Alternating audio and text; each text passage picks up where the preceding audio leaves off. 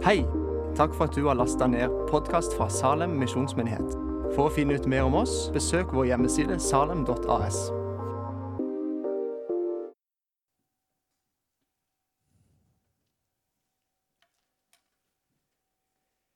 Takk skal du ha. Er det noe lyd her nå? Da er den på. For en ære da, å få lov til å si noen noen minutter til så mye flotte folk. Jeg har nå hatt eh, jobba noen uker i Salem. Og eh, så mye bra folk, så mye hyggelige folk, og så godt som jeg har blitt tatt- imot. Tusen takk. Så eh, masse engasjert. eh, mange fine samtaler og bønnestunder. og Nei, så det har vært, eh, vært bra. Eh, det er jo ikke bare et lite minutt eh, til å si litt om meg sjøl for dere som, eh, som ikke kjenner meg så godt. Mannen til Elin, det går jeg også for å være. men ellers så Altså Geir Fagerbakke. Jobba mesteparten av mitt voksne liv i Ungdom i oppdrag. Eh, gjennom eh, disippeltrening, disippeltreningsskoler. Eh, det, vi pionerte Skjærgårdsheimen, eh, leda det senteret i mange år i Ungdom i oppdrag. Og også inn og jobba 89 år i nasjonal ledelse av eh, UiO. Eh, utdannelse så er hovedvekten på teologi på, eh, med både Ansgarskolen, Menighetsfakultetet, Norsk lærerakademi og også pedagogikk. Eh, har også jobba noe innenfor psykisk helse. Så en god blanding. Så eh,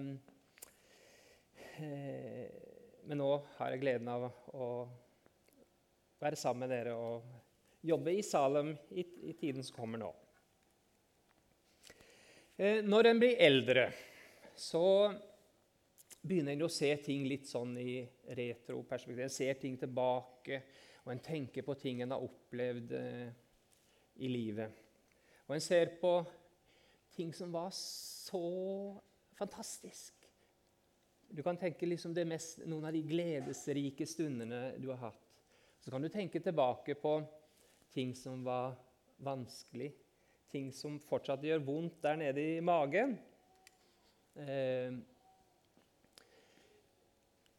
på en måte skulle jeg ønske at jeg hadde det så enkelt som han derre Myrullbråten i Flåklypa. Myrullbråten på Krokryggen gamlehjem. Når han tenkte tilbake på livet, så sa han det at fikk jeg leve livet om igjen, så ville jeg gått med midtskill.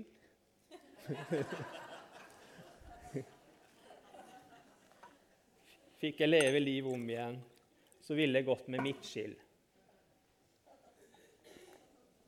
Det var ikke mye å angre på. Eh, I Efesos for lenge, lenge siden så satt det en mann, eh, disippelen Johannes. Han var nå blitt en, en, en ordentlig gammel mann. Han hadde med seg kanskje en assistent, en som skrev sammen med han. Og så, Hvis du kan være med meg, og så går du tilbake, og så eh, går du inn i dette huset hvor de sitter. Det er sikkert av, av mur. Du kan se for deg noe av disse eh, måten de ble bygd på den, den tida. Og Der sitter, sitter Johannes. Og så har han skrevet to tredjedeler av Johannes-evangeliet, hvor han tenkte tilbake. Sånn som Myrullbråten. vet du, Han har tenkt tilbake. Og så står det det at Den hellige ånd eh, skal minne dere om alt det jeg har sagt, eh, sa Jesus. vet du. Så Den hellige ånd minner Johannes. Og, eh, og som Paulus også sier, at Den hellige skrift er innblåst av, eh, av Gud. Han sitter og han tenker tilbake. Han har skrevet to tredjedeler. Og så tar han en pause spiser noe oliven eller et eller annet sånn. Så går de tilbake, og så setter han disse ordene ned. Fra Johannes 14, 27. Fred etterlater jeg dere. Min fred gir jeg dere. Ikke den fred som verden gir. La ikke hjertet bli grepet av angst og motløshet. Fred etterlater jeg dere, min fred gir jeg dere. Ikke den fred som verden gir. La ikke hjertet bli grepet av angst og motløshet. Eh, og dette er ikke en jypling som skriver, en som liksom har vært ute og eh, gjort et eller annet. Altså det er, han minnes det som Jesus sier på slutten av sitt eget liv, hvor han nettopp har fått leve i dette løftet, i dette som Jesus formidla til disiplene den gangen. Nå er han på slutten uh, av sitt liv.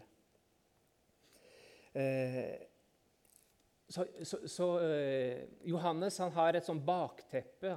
Sånn gitar, du fikk jo en gitar, Isak, og den har en sånn klang, en sånn kasse, hva kaller det, resonanskasse eller noe sånt. Så du slår på stengene, sånn, så, så, gir det liksom ekko og lyd. Og, og det ga lyd. Når, når, Johannes skriver disse ordene, så gir det lyd langt der inne i hjertet hans. At Gud har gitt den freden. Oppi alt han har erfart, oppi alt han har gått gjennom, oppi trengsler, i gleder, i, i, så, så, har han fått erfare det, at den freden som Gud gir, den har holdt. Den Halta. Han kunne minne seg på disse ordene i tider av, av motløshet, i, i, i tider av, av, angst. Han husker tilbake fra Hvis vi ser i Matteus uh, Matteus uh, skal vi se her. Matteus 4, vers 21 og 22.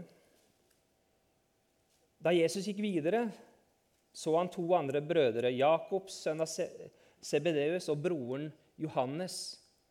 De satt i båten sammen med sin far og bøtte garn. Han husker tilbake på den dagen han ble kalt, den dagen han så inn i Jesu blikk for første gang. Den gangen han hørte Jesus stemme, den gangen han, eh, han eh, eh, erfarte at Jesus snakka til ham. Han tenker tilbake etter som årene går. Hvis vi går til apostelgjerningene 12, vers 1-3 og og vers 7. Der står det På den tid lot kong Herodes noen av, noen av menigheten gripe og for hardt frem mot dem. Jakob, bror av Johannes, ble henrettet med sverd. Da Herodes merket at jødene likte dette, gikk han videre og arresterte også Peter. Det var i de usyrede brøds høytid. Så står det i vers 7.: Med ett sto en Herrens engel der, og et lys strålte i rommet. Han vekket Peter med et poff og, og, og i siden og sa, 'Skynd deg, stå opp.' Da falt lenkene, da falt lenkene av hendene hans.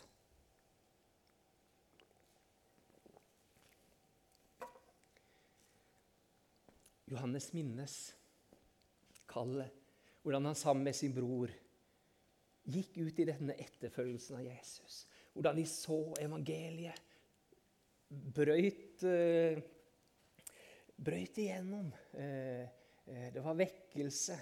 Og han minnes dagen da hans kjære, kjære bror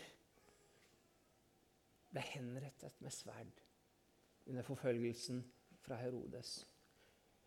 Og i den samme forfølgelsen så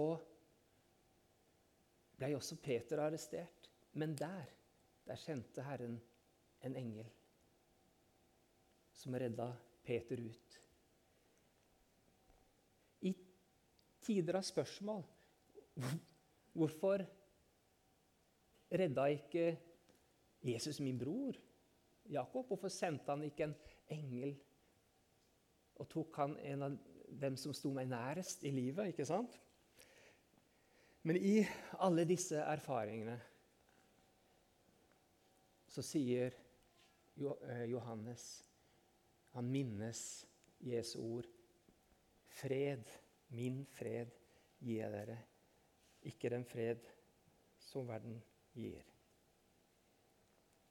Og tankene til Johannes, der han sitter i Efesus, går til hendelse etter hendelse.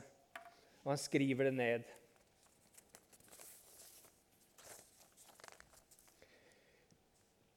Tordensønnen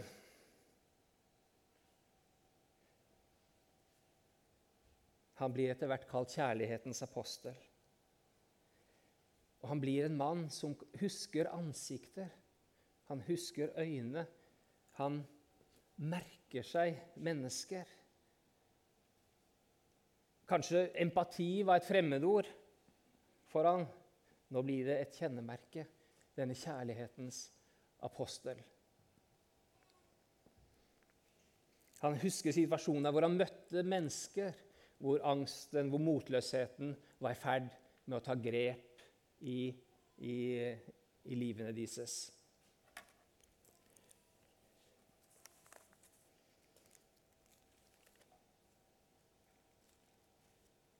La oss se i Lukas 8, vers 49-56.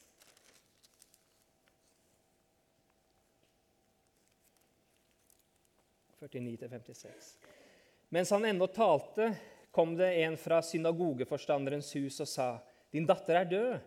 Bry ikke mesteren lenger.' Jesus hørte det og sa til faren, «Eh, 'Frykt ikke, bare tro, så skal hun bli reddet.'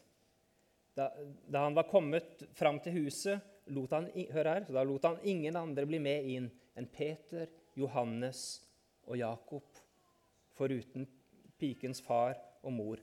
Alle gråt og jamret over henne. Men han sa, 'Gråt ikke. Hun er ikke død. Hun sover.'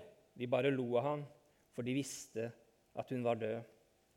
Men han tok henne i hånden og ropte, 'Barn, stå opp!' Da vendte livet tilbake, og med en gang reiste hun seg opp, og han bød dem, bød dem om å gi henne noe å spise.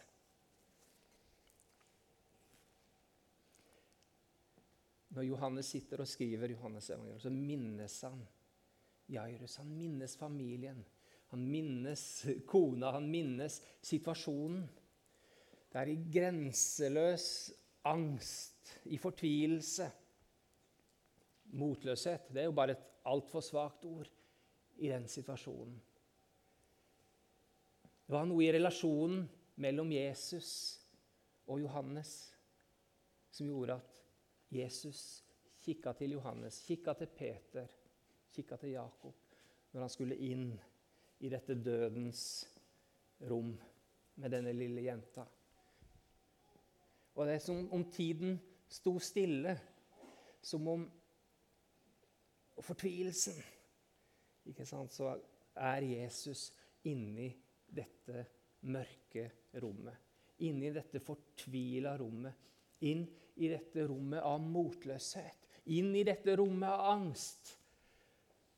Og der ønsker han så mye å være, også i våre liv. Å gå inn i dette rommet og tale ord til liv. Og tale ord til liv inn i den situasjonen.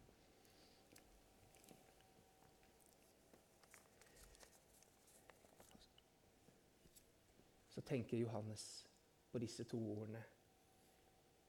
Talita kumi. Talita kumi. Barn, stå opp. Barn, stå opp. To ord fra Jesus inn i denne utrolig vanskelige situasjonen. Barn, stå opp. Tre ord. Jeg kan ikke telle engang. Barn, stå opp. Jeg hadde ikke matematikk i studiet mitt, så Barn, stå opp.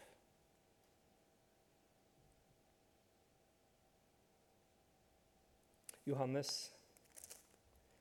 tenker videre i hva han har erfart med Jesus.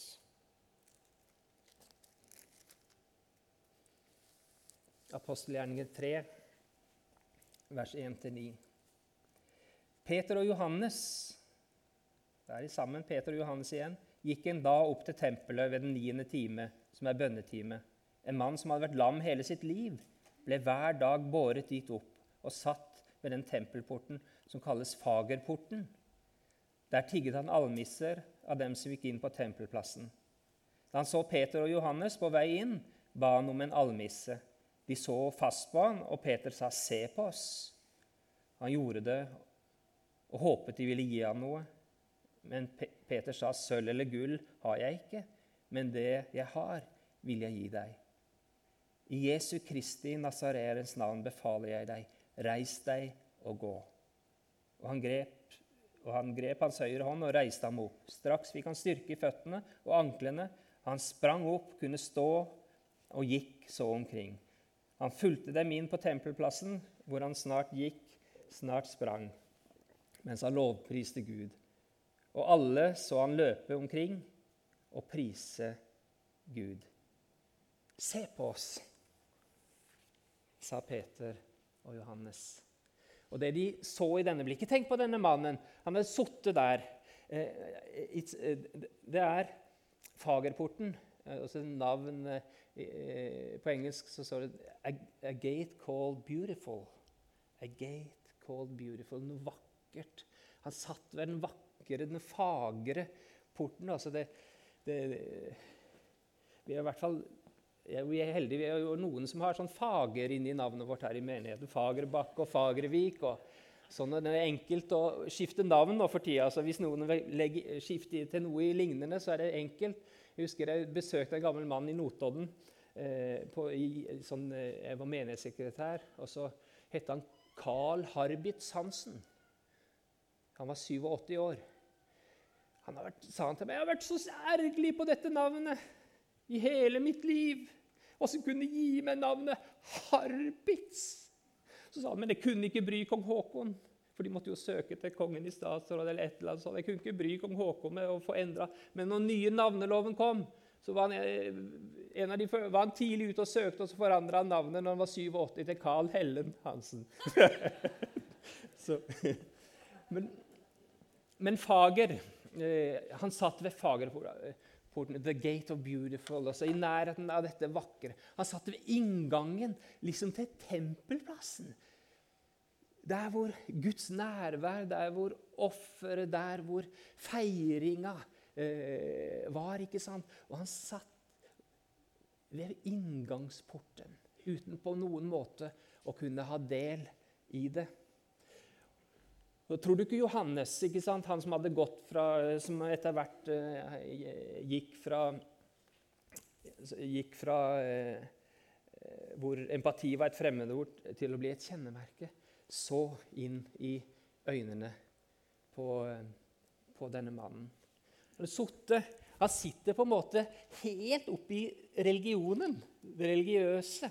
Han passeres av det religiøse År etter år, dag etter dag, år etter år. Han, han har slutta. Når, når, når, du slutter å glede deg over morgenen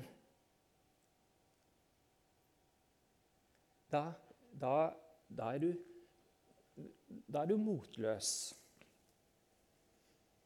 Da har motløsheten fått grep. Når du blir sint av fuglekvittere på morgenen, da har motløsheten fått grep.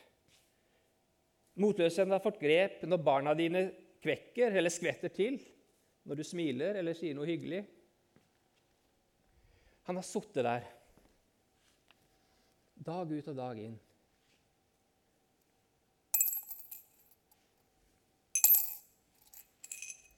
Neste dag Tredje dag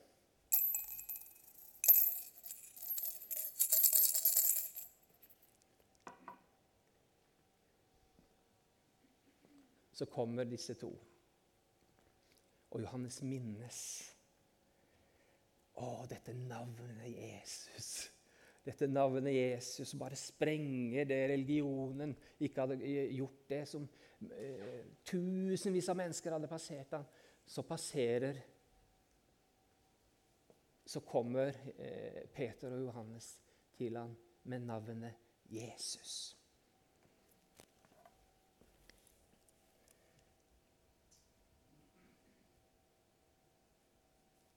Sølv og gull har jeg ikke, men det jeg har, vil jeg gi deg i Jesu Kristi Nazarenes navn. Deg, reis deg og gå. Det gjorde noe med freden til denne, denne mannen ved Fagerporten. Det gjorde noe med, med, med hans motløshet, hans angst for liv og fremtid. Og Det står at han fulgte dem inn på tempelplassen, hvor han snart gikk, snart sprang, han lovpriste Gud. Og alle så han løpe omkring. kan du tenke deg for et syn? Og se inne på tempelplassen der. Han løp i ring vet du, og ropte og hoppa og, og sprang. Han hadde møtt Jesus. Og det er en, bare én til av disse erfaringene som Johannes har når han sitter der og skriver Johannes evangeliet. Og han eh, kommet eh, til eh, skrevet to tredjedeler, og så skrive eh, det, som han, det som han skriver. Så er det en, en av de tingene han har med seg. Fred etterlater jeg dere, min fred gir dere. Ikke den fred som verden gir. La ikke hjertet bli grepet av angst og motløshet.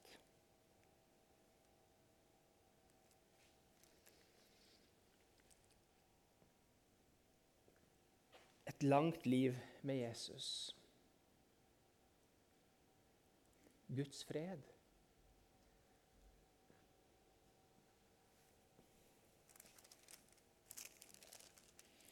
Johannes 19, vers 25-27. Ved Jesu kors sto hans mor, morens søster Maria, som var gift med Klopas, og Maria Magdalena. Da Jesus så sin mor, og ved siden av henne den disippel han hadde kjær, sa han til sin mor, 'Kvinne, det er din sønn.' Deretter sa han til disippelen, 'Det er din mor.' Fra den stund tok disippelen henne hjem til seg. Også en situasjon som Johannes kan tenke seg. Det er han som er den disippelen som Jesus hadde kjær, som det står der. Han tenker tilbake på på denne ekstreme situasjonen. Guds fred, angst, motløshet. Skal du tenke angst og motløshet? Vi, virker er motløse fordi at uh, vi blir tatt i parkeringsbot. Ikke sant, Harald? Det står der hvor det på en måte rakner, ikke sant? og det er noen enorme greier. Og de står og ser. Og Jesus henger på korset. Og du kan tenke på ja, Guds fred, tenke på motløshet, tenke på angst. Og i den situasjonen selv, i de siste åndedragene, så mildner Jesus denne angsten, denne uroen. Han ser sin mor. Han ser sin mors øyne, han ser eh, hennes ansikt, han ser disiplene. Og oppi alt som skal sies, så sier han Johannes? Kan du passe på Maria? Kan du passe på mamma? Og til Maria her dette er din sønn. Og denne gedigne, lille skikkelsen Maria, som engelen talte til, og som bar Guds egen sønn under sitt hjerte, og som eh, hatt en så sentral plass.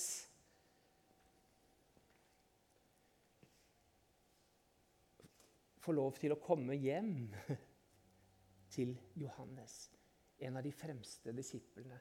Og kan du tenke for en familie det blei?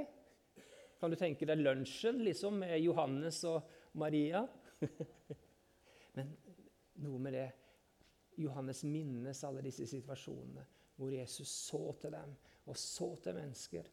Hvor i, hvor i smerte og i seier, i glede og sorg, at Jesus ga dem sin fred. Og at den motløsheten og angsten som holdt på å ta grepet og knuse. At jeg slapp taket. Så fikk en gå med Gud, og en fikk gå eh, med fred.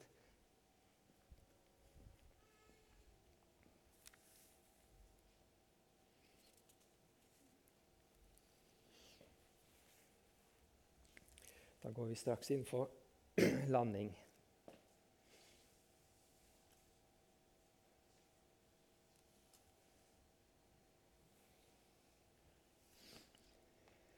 Som jeg sa i starten, det var mange utfordringer for disse første kristne og for apostlene.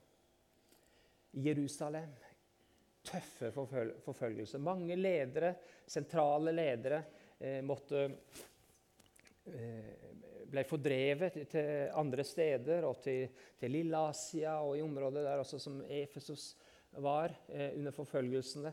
Det var kaos. ikke sant? Tempelet ble lagt i ruiner. Eh, Ting var utrolig uoversiktlig. Martyrenes blod. ikke sant? Mange som eh, måtte gi livet sitt for troen. Eh, og i, i, denne situasjonen så, så, minnes også Johannes at han dro fra Jerusalem til Efesos, hvor han ble en leder for en utrolig vekkelse i området der. Menigheter planta og menigheter som vokser, og Guds rike går frem. Du har Antiokia, hvor, hvor Paulus etter hvert hadde altså Det er sånn kraft eh, altså det, Guds rike bryter gjennom. Og der står eh, Johannes som sentral eh, til oppfølging av mange av, av, menighetene. Og han begynner å bli gammel. Eh, eh der han er i, eh, i Efesos. Men så blir forfølgelsene heftige også i Efesos. Romerske, romerske keiseren Dom, Domitian er sentral da. Og Johannes blir tatt med fra Efesos til en liten øy. Til en liten øy som heter Patmos. Dette var en øy som var sånn arbeidsleir, fangeleir. Eh, det står fordi han hadde eh, forkynt, vitna om Jesu navn. Ikke sant? Var, var han forvist. Så liksom presset liksom Å, for en kamp de levde i! og ut til Efesos liksom, og ser de Guds rike gå frem der. Og, og det samtidig forfølges, så intensiveres det når det kommer en keiser som er gal nok i huet. Og så, eh, og, eh, og så blir han også som en eldre mann så blir han satt på Patmos. Ikke sant? Tror du han fikk kunne liksom en dag eller noe sånt få et lite snev av angst og motløshet? Han som hadde stått og hatt ansvar og båret byrden for disse menighetene og fått eh, tjene Jesus der, og så sitter han eh, i, på en liten øy i Middelhavet det er ikke så moro. Vi drar jo til Middelhavet for å kose oss, men han dro ikke til Patmos for å kose seg.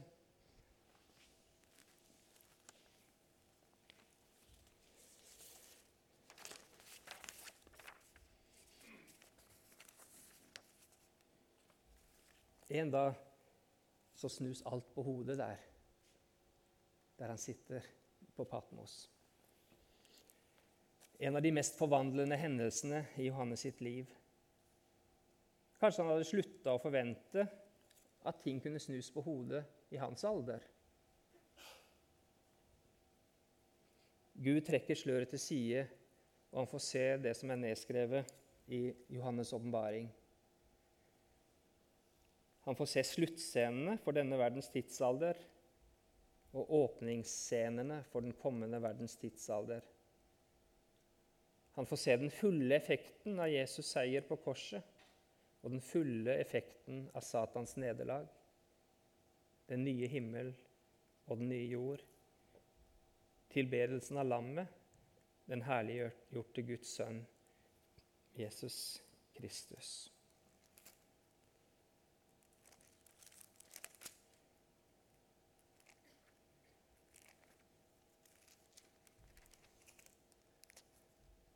Johannes' åpenbaring 21, 1-7. Og jeg så en ny himmel og en ny jord, og den første himmel og den første jord var borte, og havet fantes ikke mer. Og jeg så den hellige by, den nye Jerusalem, stige ned fra himmelen fra Gud, gjort i stand og pyntet som en brud for sin brudgom. Fra tronen hørte jeg en høy, høy røst som sa:" Se, Guds bolig er hos menneskene. Han skal bo hos dem, og de skal være hans folk, og Gud selv skal være hos dem. Han skal tørke bort hver tåre fra deres øyne, og døden skal ikke være mer, heller ikke sorg eller skrik eller smerte, for det som før var, er borte. Han som sitter på tronen, sa da til meg, Se, jeg alle ting nye, og han la til, skriv det ned, for dette er pålitelige og sanne ord. Deretter sa han til meg, det er skjedd, jeg er alfa og omega, begynnelsen og enden. Den som tørster, vil jeg drikke av kilden med livets vann for intet. Den som seirer, skal få dette i arv, og jeg skal være hans Gud, han skal være være min sønn. Det er på en måte den siste brikken. I situasjonen hvor han sitter der i, i fangenskap på Patmos, så får han den åpenbaringen hvor det bare folder seg ut. Og han ser ting som forandrer mange ting i hans, eh, i hans liv. Kan du tenke å få se inn i dette.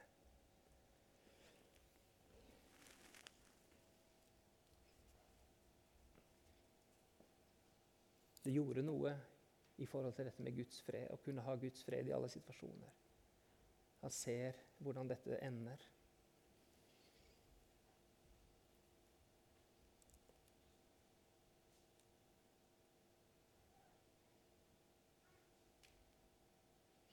Ikke lenge etter så slippes Johannes fri. Det er keiser Nerva som opphever tiltakene mot de kristne. Så tas og Det er de helt siste årene av Johannes sitt liv. Så tas han eh, så får han reise fra Patmos etter å ha sett det han har sett. Og så kommer han til Efesos, lever de siste årene, og der skriver han Johannes-evangeliet. Og der skriver han det som vi leste. Fred. Eh, gir jeg dere, min fred gir jeg dere. Ikke den fred som verden gir. La ikke hjertet bli grepet av angst og motløshet.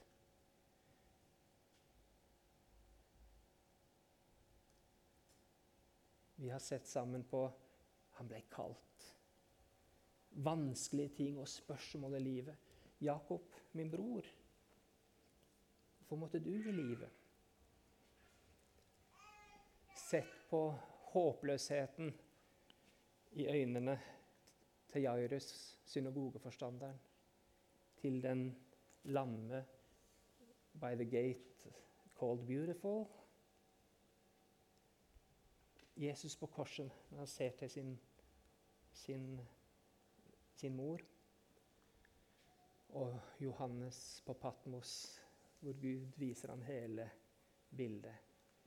Og det, det og masse til av det vi har sett på i formiddag, hadde Johannes med seg når han satt på slutten av sitt liv i Efesos og skrev denne hilsenen fra Jesus og også fra Johannes til deg og meg. Så kan han oppi alle disse utfordringene få ha Guds fred kan han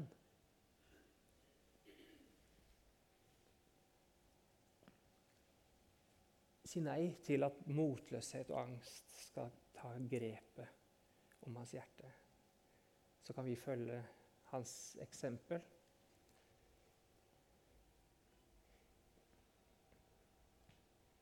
Og ta imot Guds fred i vårt liv, oppi enhver situasjon som som vi står oppi.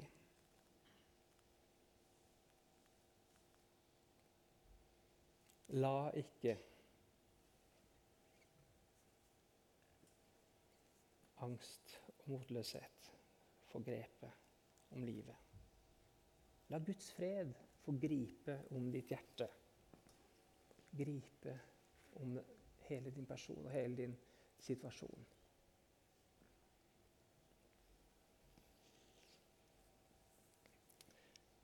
Så er det som om til slutt her Johannes tenker Tar de det til seg? Så sender han en SMS til Paulus. Kan du hjelpe meg? Kan du hjelpe meg å forklare for dem? Den er grei, så sender Paulus tilbake til Johannes. For Gud ga oss ikke en ånd som gjør motløs, men en ånd som gir kraft, kjærlighet og sindighet. 2. Timoteus 1, 7.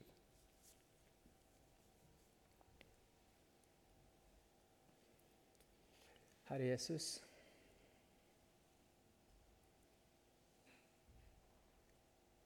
Herre, vi har gått på en reise i ditt ord, på en person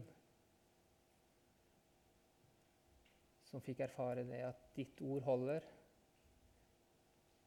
at relasjonen til deg holder gjennom alt, at det er mulig å vandre i din fred, og at det er mulig å, å kunne legge til side denne angsten og motløsheten og vandre i, i fred i alle situasjoner.